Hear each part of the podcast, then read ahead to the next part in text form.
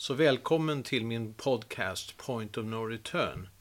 Och idag så ska vi prata med Rolf Ekéus om Irak. Varmt välkommen Rolf Ekéus. Ja, tack så mycket. Då jag tänkte så här att du, du, ska få presentera, du, du ska få presentera dig själv. Vem är du? Ja, jag är en, en person med en jurisk kandidatexamen domstolsverksamhet som ung tingsnotarie och sedan tillbringat mitt liv i den svenska diplomatin och den internationella diplomatins tjänst. Jag har alltså arbetat på UD, Utrikesdepartementet och då mest utomlands i långa perioder i olika placeringar i Afrika, Europa eh, och USA kan man säga. Ja, du, du har ju som sagt en, en, en väldigt, väldigt eh stor bakgrund inom diplomati. Eh, och det var väl förmodligen därför då, misstänker jag, som du så småningom kom att bli eh, ledare för, eller chef för Anskam. Ja, alltså jag blev ju engagerad eh, av Utrikesdepartementet att leda den svenska delegationen i nedrustningsförhandlingarna i Genève. Och eh, då hade jag gjort väldigt mycket förarbeten. Alva Myrdal eh, rekryterade mig som sin unga pojke att assistera henne och hjälpa henne med bokskrivande och, och eh, lägga upp nya idéer. Nedrustning, kärnvapennedrustning i Europa och så vidare, hennes projekt. Så, så, jag jobbade mycket med henne och sen var det rätt naturligt att uh, den svenska regeringen utsåg mig till Sveriges ambassadör i Genève. Och det var ju en väldigt spännande tid. Där var då kan man säga en ganska elitgrupp, få stater, men då kärnvapenmakterna och ett antal. Det var en stor ära egentligen för Sverige att vara med i denna rätt exklusiva grupp av stater. Och vi hade då, när jag kom så var det två tunga komponenter. Dels ett förbud mot kemiska vapen så vi startade förhandlingarna och jag blev den första ordförande för den kommissionen som arbetade med förbud mot kemiska vapen. Och sen kom frågan om biologiska vapen. fanns det ju ett förbud ganska tidigt från eh, eh, början på 70-talet redan. Men det fanns inga verifikationer så jag fick ju också ett rätt tungt ansvar i att se om vi kunde förbättra hela den konventionen mot biologiska vapen.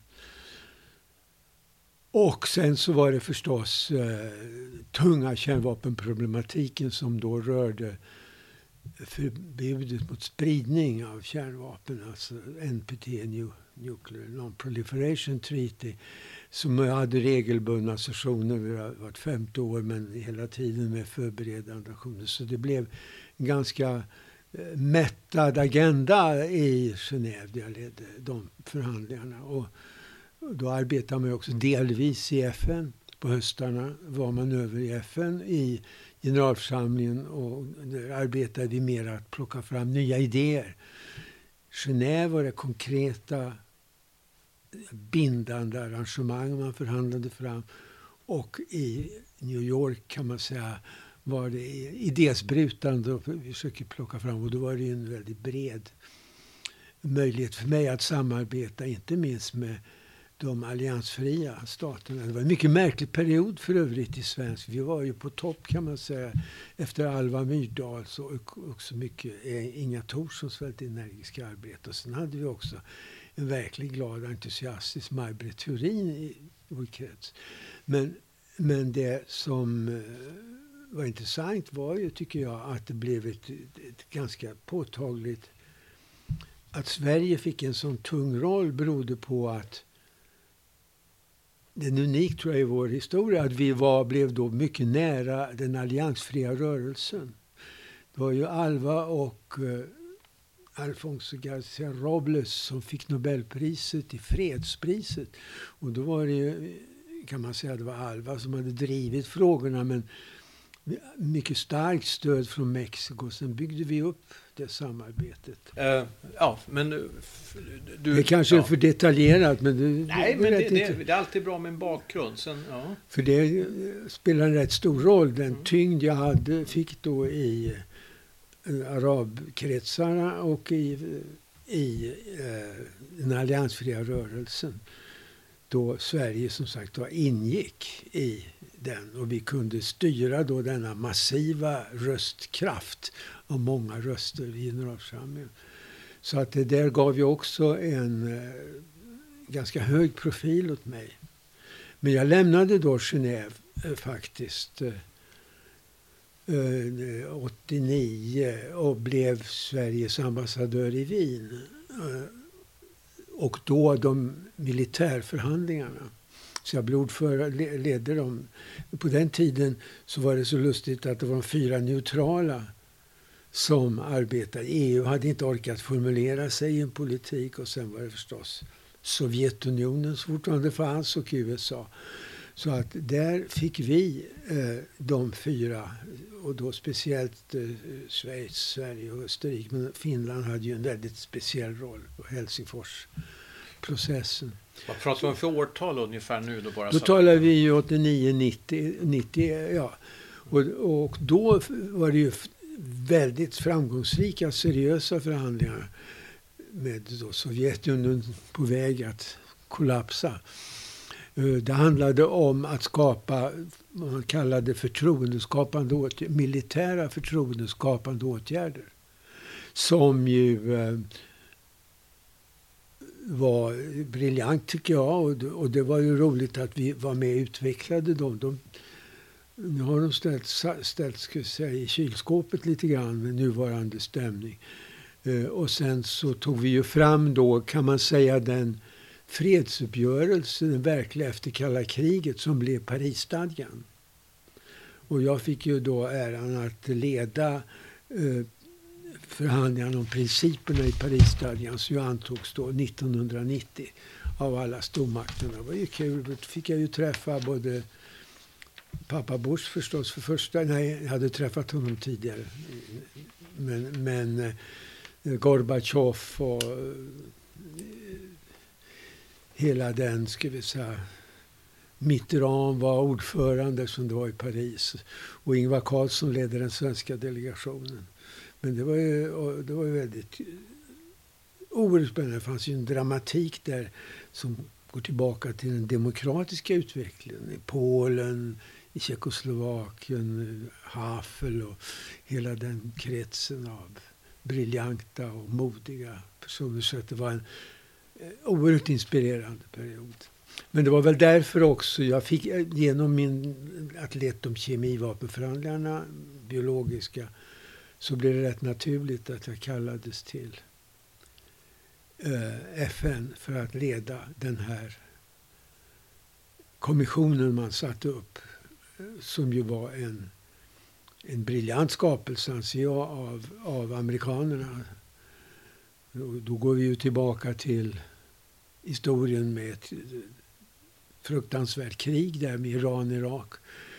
Där irakerna använde sig av kemisk krigföring både mot iranerna men också mot kurderna i norr. Halabja är ju en, en sån historia, fruktansvärd. Och eh, då var ju, hade vi också en svensk bakgrund genom att Olof Palme kallades in av dåvarande generalsekreteraren Pester Colliard och eh, Jan Eliasson. Och efter mordet på Palme fortsatte ju Jan att arbeta för. Nu blev det ju ingen riktig fred på den processen utan man kan säga båda krigande parterna, Iran och Irak, eh, eh, så att säga tröttade ut varann. Iran var ju överlägsen kan man säga numerärt men de var förvirrade efter sin revolution. De hade inte en genomarbetad arméstyrkor och sånt där. Får, får, jag, får jag bara göra en liten tillbakablick här? Du, nu tar jag ja, visst, där absolut. Ja, det är lugnt.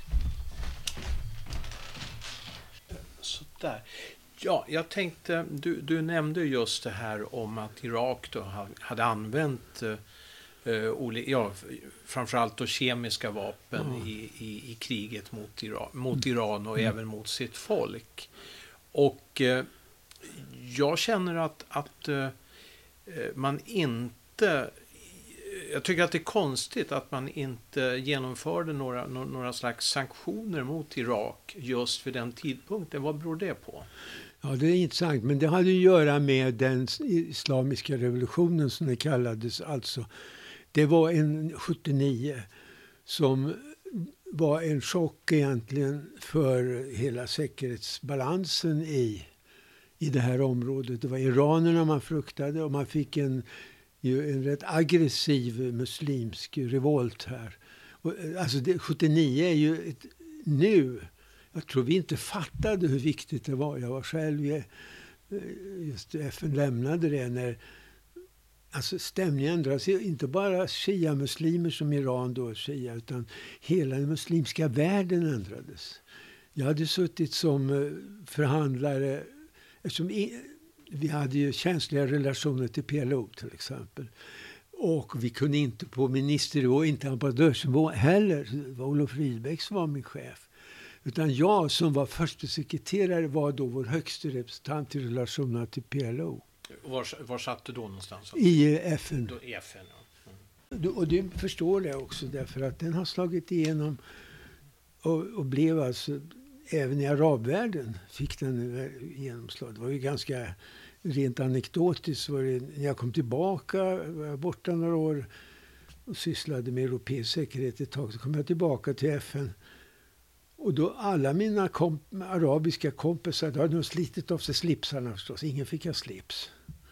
Och det har gjort att jag nästan alltid har slips. Idag har jag en protest mot den islamiska revolutionen. Och eh, vi brukade gå och ta en öl efter mötena. Och speciellt jag då som fick förhandla med araberna om de här frågorna. Jaha, nej, det var slutet. Nu drack vi kaffe. Timme ut och timme. Det var kaffedrickandet som gällde. Så, så bara sätter. Men, men det där bröt ju igenom, som vi vet, på ett fruktansvärt kraftigt sätt. Och det är den vi brottas med idag. Så att den bakgrunden är ju... Men, men då, då var reaktionen ju väldigt tuff mot Iran. Och Saddam, smart som han var, han såg ju det här. Och han, som vi sa, han var ju, fruktade ju det här kanske inte bara av militärstrategiska skäl utan av ideologiska skäl. Att få en så religiös revolt. Så han tog... Och, och klart, den iranska armén var ju lite skakig. De hade ju mycket soldater. Men det var ju också en ja, någon slags sekulär... Så, så det var ordning. Så han tog chansen och angrep Iran eh, då redan eh, 82. Och, och sen blev det här kriget. Ja, 1980 gick han in. Ja, 80 kanske var det redan. Ja, just det. Ja, 79. Han gick in alltså redan året efter själva revolten. Och det var ju ett intressant krig därför att där hade han ett stöd av USA som försåg honom med mest intelligence, ska vi säga, i form av eh, säga, satellitbilder och så. Men eh, européerna, tyskarna var ju mycket teknologi. Schweizarna var alla anständiga som vi har stor respekt för. Vi är neutrala. Eh, och för att inte tala om fransmännen och så att hela ska vi säga, gamla väst, Italien, alla stödde Irak. Och sen Sovjetunionen och hela dess gäng. Så inte självt men också eh, eh, även Jugoslavien faktiskt var inne. Alla stödde, stödde Irak, utom ett land. Och det var Iran, eh, Israel.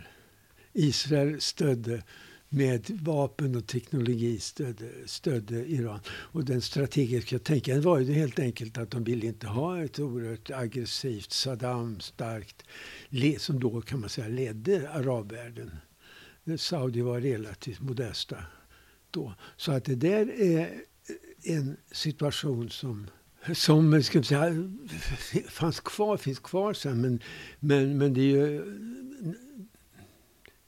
det kanske det är inte komiskt, men det är mycket märkligt hur hela världen stödde Saddam i hans... Men, men det hade att göra med den religiösa dimensionen. Man fruktade den här revolten och man gillade ändå en stat, arabstat som hade något sånär sekulär och faktiskt, med undantag av förstås judar och sådär, en, en eh, relativt moderat attityd till oliktänkande i religiösa avseenden.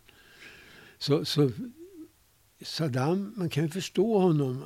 Han, det, han lyckades ju inte vinna utan det blir ju oavgjort även om båda sidor säger att de har vunnit. Så att eh, han fick, fick ge sig där. Men han upplevde då, han hade lett världen. Han hade tungt amerikanskt, sovjetiskt, arabiskt stöd. Och han tycker det här lilla skräplandet Kuwait då, som satt och... Det fanns tydligen gemensamma oljor som gick under gränsen där och sen hade ju Kuwait i de här tidigare fransk-brittiska uppdelningarna och gränsdragningar. Eh, så att han såg Kuwait som en reell irakisk egendom. Så, som en provins? Som, precis. Ja. Och därmed tog han, och, och han visste han hade världens stöd. Världens stöd hade han. De dumma israelerna bara som hade stött Iran. Så han gjorde den här eh, misskalkylen och störtade in.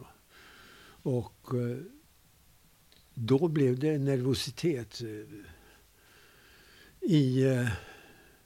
Jag, kan, jag vet inte, ryssarna här, ja, de var, var inte glada heller alltså, faktiskt, tror jag men, men Gorbatjov då. Men de som var mest oroliga blev ju faktiskt britterna med sin gamla känsla av ansvar hur Mellanösterns gränsdragningar skulle ske. Så Maggie Thatcher hävdade ju att det var hon som försökte väcka upp eh, sin gode vän George Bush att eh, skärpa sig. Och Don't go wobbly George, eller vad hon sa. Eh, jag har ju talat väldigt mycket privat och enskilt med Bush om det här. Han vill ju inte riktigt erkänna att han uh, var det. Utan han såg den hela med, med den briljante Scowcroft och, så, och Baker, alltså den, den trion. Och i det här fallet var det ju Scowcroft och Bush, medan Baker fick ägna sig åt Europa. Eh, att den gruppen tänkte strategiskt på det här och insåg att det här var en eh, farlig utveckling. Eh, och en semi-legalt kan man säga också att helt enkelt gå och erövra ett land utan vidare. Så man la ju fram det här i säkerhetsrådet och fick stöd. Sovjetunionen fransmännen förstås också, så att man, och, och Storbritannien nu, så, så, att det blev Maggie Thatcher som sagt var. hon såg sig levande. Men, så man la ju fram då idén om att det här skulle omedelbart ändras på. Och då gjorde man ju en enorm operation, en fantastiskt stor operation, det var 500 000 ungefär. Den, den, man, alltså säkerhetsrådet tog en resolution om Eh, att stater som ville anknyta sig till Kuwaits befrielse. Så det blev det var en, inte en FN-operation, det var en FN-välsignad operation. Där då gruppen som stödde Kuwait uh, satte igång och då med mycket stort medverkan av Saudiarabien. Då, som, så, så det var kan säga, amerikansk och Saudi, sen var det många andra som deltog, britter och andra. Men samtidigt så har det ju riktats mycket kritik just mot då eh, Bush senior att han så att säga eh, pushade på eh, den här, den, här, den här konflikten. Den eskalerade när han då skickade inom, inom loppet av några veckor 50 000 man som då placerades i, i Saudiarabien och så vidare. Så att, så att det finns också mycket kritik eh, från annat håll riktat mot, mot, mot Bush och sen Eh, ja, hur, hur, han så att säga provocerade, att han provocerade fram eh, det här kriget. Man menar på att det kunde ha funnits kanske en, en, en, en mera fredlig lösning. Hur ser ja, du på det? Ja, jag tvivlar väldigt starkt på det. Men eh, eftersom jag också haft mycket att göra med Saddam och hans krets. Eh, så att jag har något, eh, lite mer kanske inside, inte minst i mina samtal om det här, just den här frågan. med eh, den irakiska ledningen, då Tariq Aziz i första hand, som artikulerat. Nej, jag tror att det fanns väldigt lite utrymme för, för honom. Vi har de här samtalen med amerikanska ambassadören och att amerikanerna inte var tydliga nog att varna honom. Och, så att man kan säga att det är möjligt att diplomatin att det skulle kunna klaras att han frivilligt dragit sig tillbaka eh, eh, från, från Kuwait under det här trycket. Och det borde han ha gjort med den enorma... Alltså, 5000 var ju ingenting. Det var alltså oändligt mycket större. Och, och det var ju eh, Colin Powell som då var eh, eh chef för eh, den amerikanska militär chairman av the, uh, i Pentagon. Och han han, hade, han hade ju hela idén att man skulle ha en overwhelming force. Det, han gillade inte en balanserad styrka, utan en overwhelming force. Och det var ju det. Det här är intressant, för det finns en total kontrast med Rumsfeld, också en person som jag känner väldigt väl, som hade helt andra... Alltså, det här var ju 500 000, kanske mer till och med, med Eh, som amerikanerna gick in. Och gick med rasande hastighet, kvickt eh, ordnade. Så jag tycker nog att eh, Colin Powell, som jag har stor respekt för, jag har lidit med honom också lite grann. Den, han blir ju sen utrikesminister under sonen Bush. Och då var det väl lite svårt att ha respekt för honom när han stod där i, i säkerhetsrådet och, och visade upp gjorde en sån här powerpoint-presentation. Ja, det är, ja. det är ju en eh, väldigt sorglig historia i omvänd ordning. Men, men man tittar på då Rumsfeld som i slutet ledde. Han hade ju en helt annan, han hade ju byggt en helt annan filosofi. Att man skulle ha så liten trupp som möjligt men med avancerad högteknologi. Han älskade teknologi, Rumsfeld.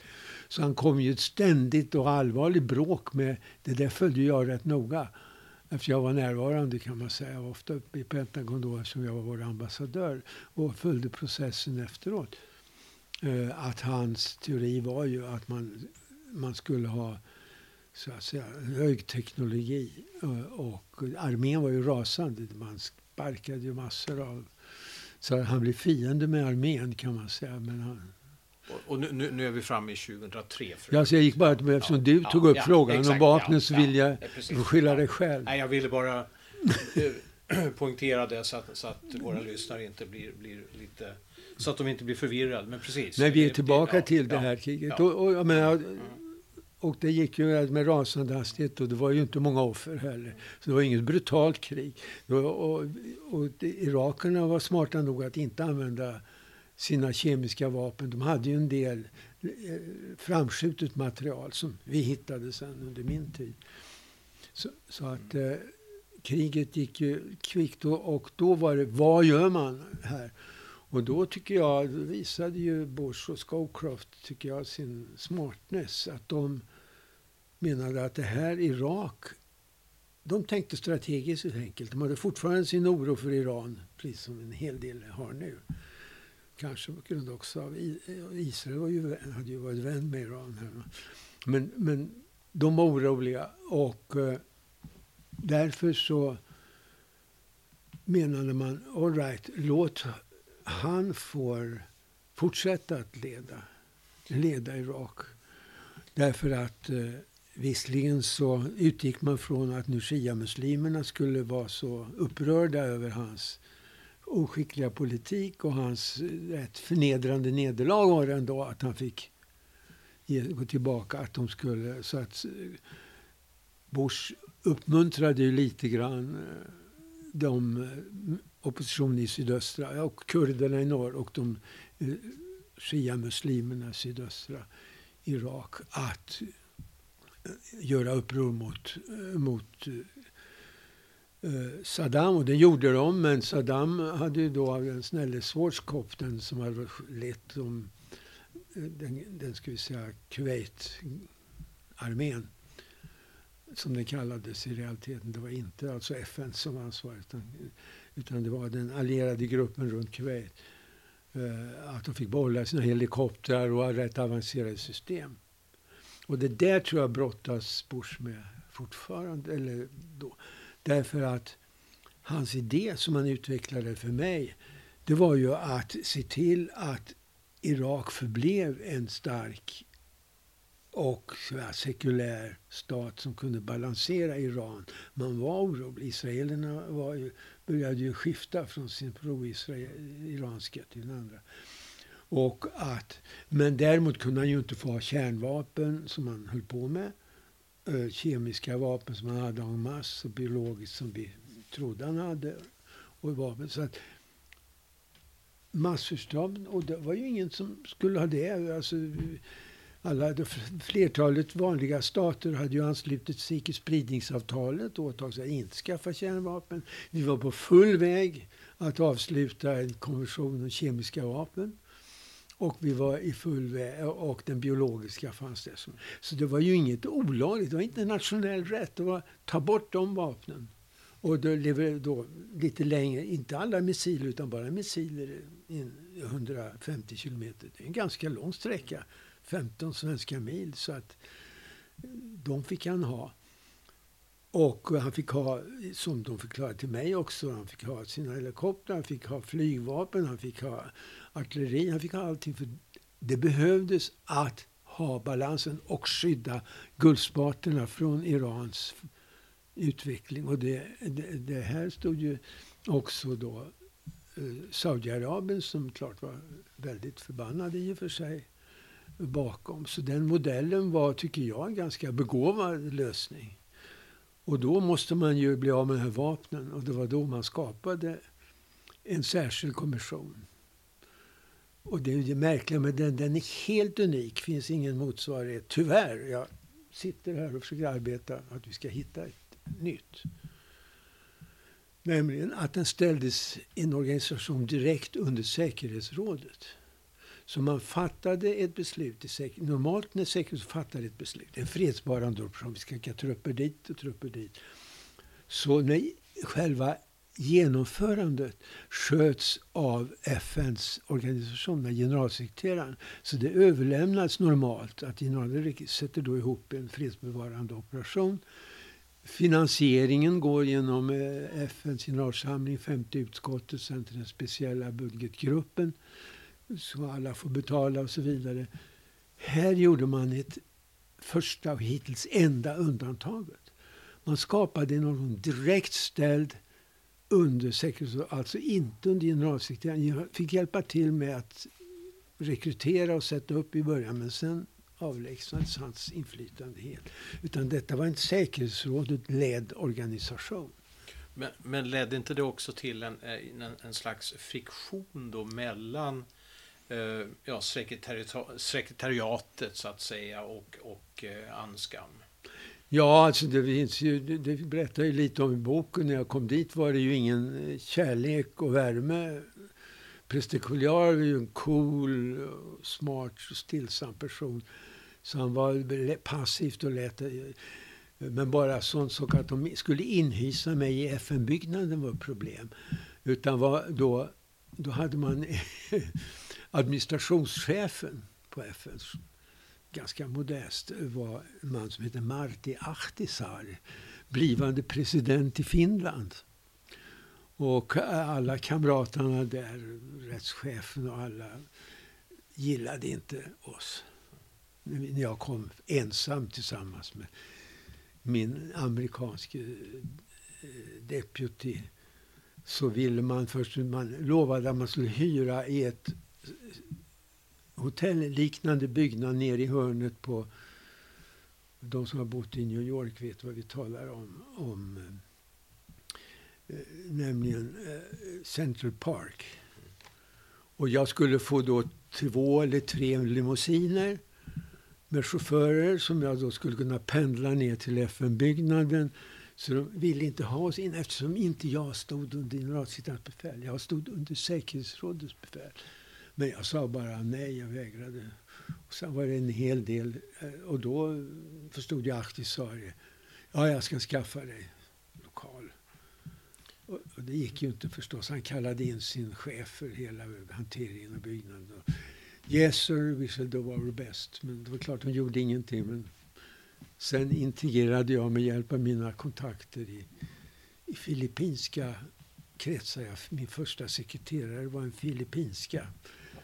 Eh, gift med en mycket mäktig filippinare, borgmästare i, i Manila. Fast senare mördad under tragiska omständigheter. Men hon, hela den filippinska trollade så snart så fick jag ett utomordentligt vacker lokal eh, uppe i FN-byggnaden. Men alltså, anekdoten är den att det visar, som du antyder, att det var ingen entusiasm att hitta en typ av, som det vi på något sätt var någon sorts adel som inte tog instruktioner från det vanliga FN-systemet. Och, och sen om, om, man då hoppar lite grann så, så blev ni också beskyllda för att få väldigt stort stöd och även då influenser från, från amerikanskt håll. Ja, stöd fick vi väldigt dåligt kan man säga. De, de fick några kronor, några dollar. Men du kan tänka dig, det är inte så att pengar, du kan ju USA, pengar sitter inte hos presidenten och sitter inte i utrikesdepartementet. Utan det sitter i kongressen. Och eh, där var det inte så lätt att eh, plocka ut pengar. Tvärtom. Jag fick några fall. Eh, japanerna gav mig 10 miljoner dollar. Ett år efteråt kom de och krävde tillbaka pengarna. Utan jag hade då uppdraget ensam som ordförande att skaffa de här pengarna. Det var alltså, FN skulle inte skaffa pengarna utan jag skulle locka regeringarna att betala. Svenska regeringen betalade min lön. Det var dess lysande bidrag och den var ju modest lönen så det var ingen stött lidande för skattebetalarna. Men däremot så då fick jag börja att åka till Gulfen. Så jag fick ju jobba med då först och främst Saudiarabien, Kuwait också, som, de var ju tacksamma och kära vänner. Bahrain, som inte hade så mycket pengar. Men Saudien och prins Saud, som då var utrikesminister och som vi blev livslånga vänner, nu är han ju borta. Men eh, jag då under hela den här perioden fick jag skaffa pengar, finansiering. Men det var också ett sätt, vi gav inga löner till vår personal. Utan jag rekryterade, och det var jag väldigt stolt över, jag rekryterade genom min kännedom och att ha arbetat i kemisk, kemisk biologi och så vidare. Och också med goda kontakter i den icke-spridning, nukleära icke-spridningsvärlden så rekryterade jag då kan man säga världens bästa talanger. Men regeringarna fick betala. Så ett antal tyskar förstås bra på de här. Svenskar. I kemiska vapen var ju vi duktiga. NATO-staterna kunde inte så mycket för det fick USA sköta. Ja, Norge kunde en del, men Sverige och Finland, vi hade god expertis. Sverige var inte dåligt på nukleärt, inte på vapen, men på material. På anrikat material och så vidare. Så vi hade, jag kunde rekrytera dem. Och då, men då bad vi fick regeringarna betala lönerna till dem där. Så jag behövde inte... Så att mitt enorma uppdrag att finansiera den här gigantiska historien eh, hjälptes. Men ryssarna, du vet Sovjetunionen, det läget, eh, Sovjetunionen gick ju snart över till Ryssland, men just när vi startade upp hade ju inga pengar alls. Det var ju ett fullt kaos. Och, så där betalade jag deras löner för de ryska experterna. De var nödvändiga för det fanns ju en enorm kompetens. I synnerhet på den nukleära sidan. Men, men när kan man säga då att Alltså det här var så att säga förarbetet innan ni kunde börja med, med inspek inspektionen? Den började vi i ett rasande tempo måste jag säga.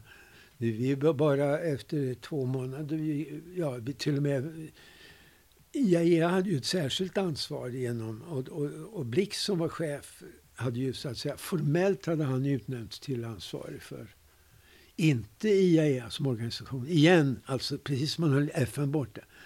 Sen var ju Blix skötte ju hela IAEA, så han kunde ju inte sköta det själv. Så han skapade den här, en, en action group. Eh, som, eh, som var eh, av väldigt kompetenta personer. Men även där fanns ju begränsningar. För IAEA har ingen vapenkunskap. Vad de har kunskap är plutonium, och uranium, och anrikning och uh, hantering. Så att, eh, så, att eh, så resolutionen som då amerikanerna la fram och som antogs sa ju att jag skulle ha ansvar för kemisk, biologisk och för missilerna. Med andra ord, hitta dem, förstöra dem, eliminera och också produktion av sådana saker. IAEA hade ansvar för nukleära, men inte vapen. Uh, och i första, uh, men åt mig uppdrogs alltså att IAEA skulle hantera det som Irak deklarerade. Jag fick i uppdrag att hitta det som Irak hemlighöll. Det, det, alltså det, det, är jätteintressant och det måste ha varit ett, ett väldigt, väldigt svårt arbete. Det jag kan föreställa mig att det var lite grann av katt och råtta-lek och, och, och, så vidare. Hur, hur, såg det ut då när, när ni började era inspektioner? Vad, fanns, vad visste man då att det fanns och vad upptäckte man då så småningom? Ja, det var i och för sig lätt i början för Irak gjorde ju deklar, fick ju, det framgick att de var skyldiga att deklarera sina innehav. Och på den kemiska sidan var det ju ingen diskussion. Det fanns enorma kapaciteter i och, och eh, kolossalt stora kemiska anläggningar. Alltså vi visste ju vad skulle Det hade ju bombats rätt ordentligt under det korta kuvertkriget men eh, ja, långt ifrån hade allting tagits. Så det började med fick man ju åka och försöka ta hand om det som man hittade direkt. Och Irak hade då deklarerat sina innehav nu var det så att de dolde ju, deklarerade inte allt, men det, det kom ju fram. Men när vi började så var det ju bara... Då rekryterade de, alltså genom min alltså unika kännedom om de främsta experterna på kemiska vapen, eftersom jag varit ordförande för förhandlingar om kemiska vapen, så rekryterade jag, det var ju australiensare och, och även Johan Svantesson, en absolut briljant eh, svensk eh, Eh, kemist och vapenexpert och, och, och, en del andra normer. och andra. Så att, eh, där eh, klarade vi ju ganska geschwint att snabbt få in, få in den typen av experter. Sen, så det handlar ju först att ta hand om vad har de deklarerat och eliminera det och övervaka. Det, förstöring av kemiska vapen är jättefarlig och jobbig. Och där fick jag enorm hjälp av japaner. Så japanerna åkte in med experter redan 90, ja, från början. Och det tog dem tre år, upp till 94 innan vi hade avvecklat alla. Samtidigt hade vi då smarta experter som letade. Finns det något gömt? Har de gömt någonting? Var, och, och, och, och, har de deklarerat allt? Och då skapade jag det här systemet att vi talade material balance, att vi tog reda på hur mycket hade importerats. Och så prickade vi av alltså teknologin som sen förvandlades till kemiska vapen. Så, så det blev ett, ett sökande av import och sen så avprickning att vi hade hittat det. Så det var, med kemiska vapen var jättejobb. Det är min hustru som har kommit. Jag förstår det. Jag undrar. Du, du var inne här och berättade just hur, hur, hur arbetet fortgick. Att, att ni, ni var kontrollerade och i princip prickade av så att säga och Precis. kontrollerade. Och sen och, fattades ja. det något så fick vi börja leta. Och det gällde ju missiler också.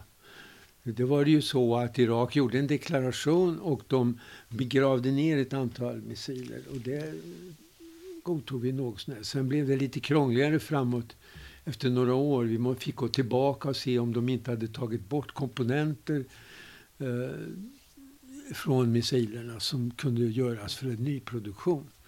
Så att det blev lite krångligare än vi trodde.